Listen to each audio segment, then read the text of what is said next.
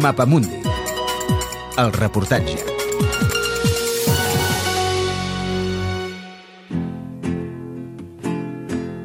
Els Mapuches, un conflicte del segle XXI. Arauco tiene una pena que no la puedo callar.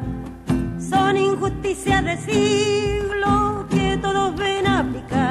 L'Araucania, la regió al centre de Xile, al sud del riu Biobío, és la terra històrica dels Mapuches, que incloia també un tros de l'actual Argentina. Però qui és aquest poble, el més nombrós dels originals d'Amèrica? Li demanem a l'antropòleg Walter I. Milan, investigador de la Universitat Central de Xile. Mapuche significa ser del Mapu y el Mapu no es tierra, muchas veces se traduce como hombres de la tierra, seres humanos de la tierra. E, ese concepto de tierra es mucho más amplio que la tierra como cultivable, ¿verdad? Eh, o la idea de propiedad, que es propiamente occidental, sino que más bien tiene que ver con todos los seres vivos. Le van a quitar su tierra, la tiene que.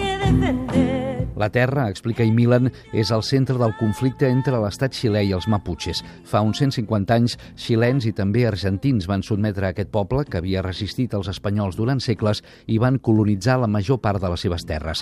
La despossessió ha continuat en les últimes dècades, sobretot durant la dictadura de Pinochet, en profit de les grans empreses forestals.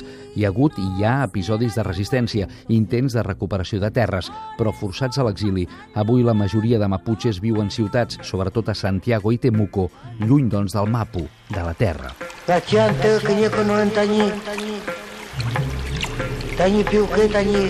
Però si Mapuche vol dir gent de la terra, què és un Mapuche lluny de la terra? Què l'identifica?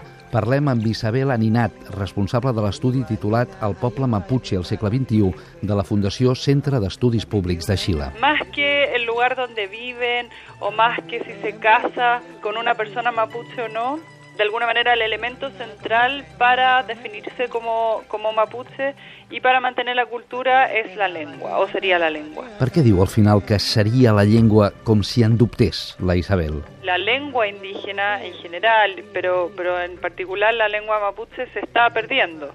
La misma encuesta mide la cantidad de gente que habla la lengua y lo que vemos es que 10 años después cada vez menos personas hablan la lengua, es decir, está en un, en un estado de mucha precariedad sociolingüística. Mari Mari, hola. Chumlei Miam, ¿cómo estás? Kume Miaucan, ando bien. El mapundung, la llengua que els maputxes creuen sorgida de la mateixa terra, està en perill.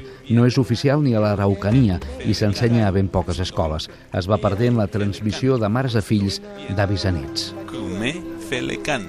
Estoy bien. Si la llengua es perd, pot semblar inevitable que la identitat maputxe també es perdi.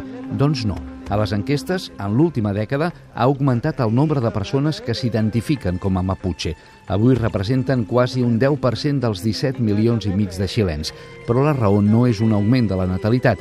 El professor Walter I. Milan ens explica el seu cas. La generació dels seus pares castellanitzaven el cognom i amagaven les arrels per por de ser marginats. Ell, en canvi, s'enorgulleix de ser un Mapuche. I com ell, molts altres. Entonces yo también soy parte de, un, de una generación eh, donde nos reencontramos con, con, esta historia y empezamos a investigar y nos empezamos a vincular muy fuerte con, con todo lo que significaba el tema de la, de la espiritualidad o el tema del, del, idioma. He sacado con la luna y ay, ay, que los dos miramos juntos, ay, ay, ay. Rebrota l'orgull maputxe en una societat xilena que, segons les enquestes, accepta millor la diferència, explica Isabel Aninat. Uno le pregunta, ¿usted alguna vez se ha sentido discriminado en un hospital, en un tribunal de la justicia, en, en, alguna oficina pública al hacer un trámite, vemos que eso ha disminuido en el tiempo, lo cual es, obviamente es una, es una gran noticia. Ahora, yo creo que sí nos falta mucho en comprender al otro en, en su totalidad. Falta de representació política, d'integració social, de reconeixement simbòlic, una solució al conflicte encara és lluny i hi ha brots freqüents de violència a l'Araucania. El 14 de novembre passat, un carrabiner de l'anomenat Comando Jungla va matar per l'esquena el dirigent mapuche Camilo Catrillanca. Amb motiu d'aquesta tragèdia, precisament, Walter i Milan ha comprovat que la societat xilena està canviant. Hay una recepción muy distinta de buena parte de la sociedad chilena, especialmente las generaciones más jóvenes. Nunca había sucedido lo que sucedió, la reacción que hubo en general como sociedad frente al asesinato del Peña Catrillanca, eh, yo no lo había visto en los, desde que tengo memoria, digamos, ¿no? A pesar de que havia, havien havia una sèrie d'incidents anteriors molt, molt brutals. Sabran aprofitar i acompanyar els polítics aquest moviment lent de la societat xilena, ara com ara el conflicte entre l'Estat i els maputxes és el més greu que hi ha al país, afirmen els xilens a les enquestes, pitjor que les tensions polítiques entre partits o les socials i econòmiques entre treballadors i empresaris. És un reportatge d'Adolf Beltran amb Jordi Galbany al control de so.